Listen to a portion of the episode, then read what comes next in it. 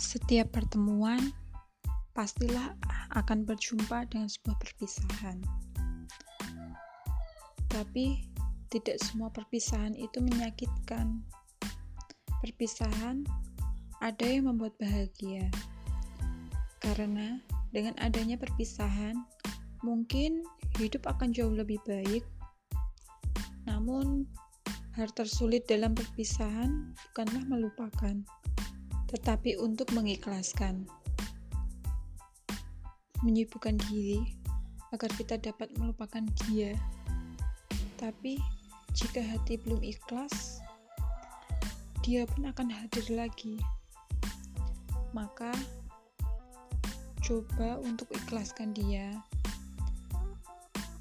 agar kamu dapat melupakan dia dan membuka lembaran baru dengan seseorang yang benar-benar tulus denganmu.